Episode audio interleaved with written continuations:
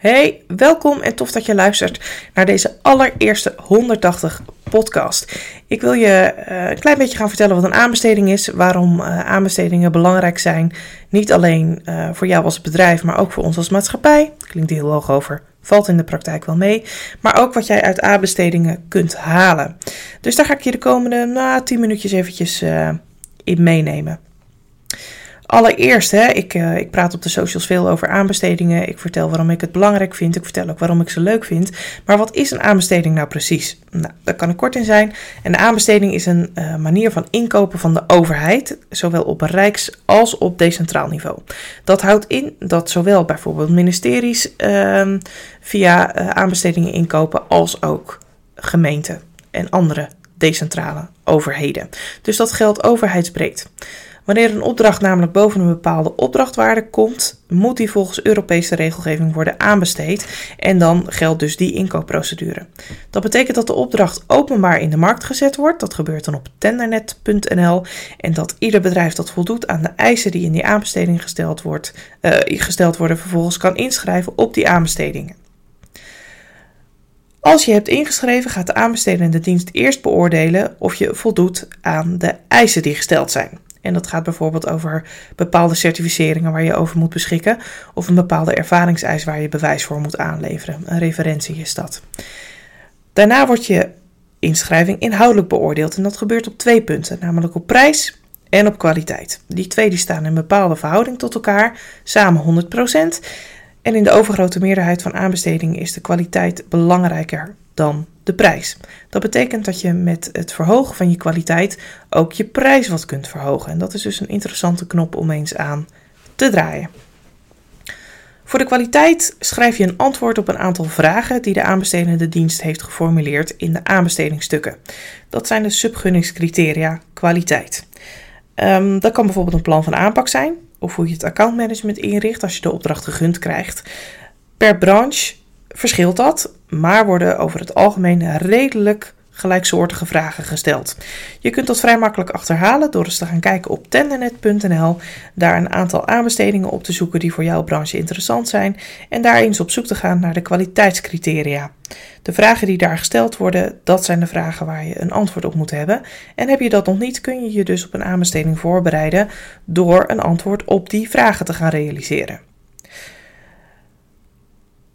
De prijs, die geef je vaak door een prijsblad in te vullen dat door de aanbestedende dienst wordt verstrekt. De componenten die daarin gevraagd worden, die verschillen per branche. Um, dus de ingewikkeldheid van zo'n prijsblad ook. Uh, en ook daar kan je vaak, nou ja, toch, toch nog wel een beetje spelen met de aantallen. Uh, uh, waardoor je uiteindelijke inschrijfprijs wat zakt. En dat is dus weer gunstig. Nou, dan heb je dus je prijs en je kwaliteit. En die twee componenten samen beslissen vervolgens welke inschrijver de opdracht gegund krijgt. Dat is in het kort wat een aanbesteding is en hoe de procedure zo'n beetje verloopt. Maar waarom zijn aanbestedingen nou zo belangrijk? Nou, aanbestedingen die zorgen ervoor dat opdrachten van de overheid toegankelijk zijn voor alle marktpartijen. Dus ook voor MKB'ers en zelfs in bepaalde gevallen voor ZZP'ers. Aanbestedingen voorkomen dus vriendjespolitiek en zorgen voor eerlijke mededinging. Namelijk, iedereen kan inschrijven op zo'n opdracht. Op het moment dat dat niet gebeurt, op het moment dat een opdracht niet aanbesteed wordt, terwijl dat eigenlijk wel zou moeten, komt dat naar boven bij de accountantscontrole aan het eind van het jaar. En op dat moment krijgt die aanbestedende dienst dus een tik op de vingers van de accountant. En over het algemeen houden aanbestedende diensten daar niet zo van, want dan komen ze ook vaak op de een of andere manier toch wel in de krant terecht en dan niet op de goede manier. Um, Zo'n aanbesteding, hè, in het ideale geval krijg je de opdracht gegund. En geloof me, dat is het moment waarop de gemiddelde aanbestedende dienst, uh, niet de aanbestedende dienst, de inschrijver, pardon, de champagne opentrekt. Maar dat is natuurlijk niet het enige wat je uit zo'n aanbesteding kunt halen. Want een gemiddeld aanbestedingstraject beslaat zo'n zes weken. In die zes weken ga je je hele bedrijf door. Van onder naar boven, van links naar rechts, alle afdelingen komen aan bod. Uit aanbestedingen haal je wat belangrijk is voor de markt waar je je op begeeft. Dat zijn die kwaliteitscriteria en de eisen die gesteld worden. Um, terwijl jij je hele bedrijf doorgaat om de antwoorden op die vragen te vinden, ontdek je on the site ook waar de zwakke plekken zitten in je verhaal. En als je dat gedaan hebt, ja, weet je, dan kun je twee dingen doen. Je gaat over tot de orde van de dag, of je pakt die zwakke plekken aan. En nou het zal je niet verbazen dat ik je dat laatste ten stelligste adviseer. Wat je zo bij elkaar verzamelt, is een mooie blauwdruk van je bedrijf. Die blauwdruk, die krijg je niet alleen bij winst, die krijg je ook bij verlies. En het mooie van een tender uh, verliezen, dus de opdracht niet gegund krijgen, is dat een aanbestedende dienst wel altijd moet verklaren waarom jij de opdracht niet gegund krijgt en je concurrent wel.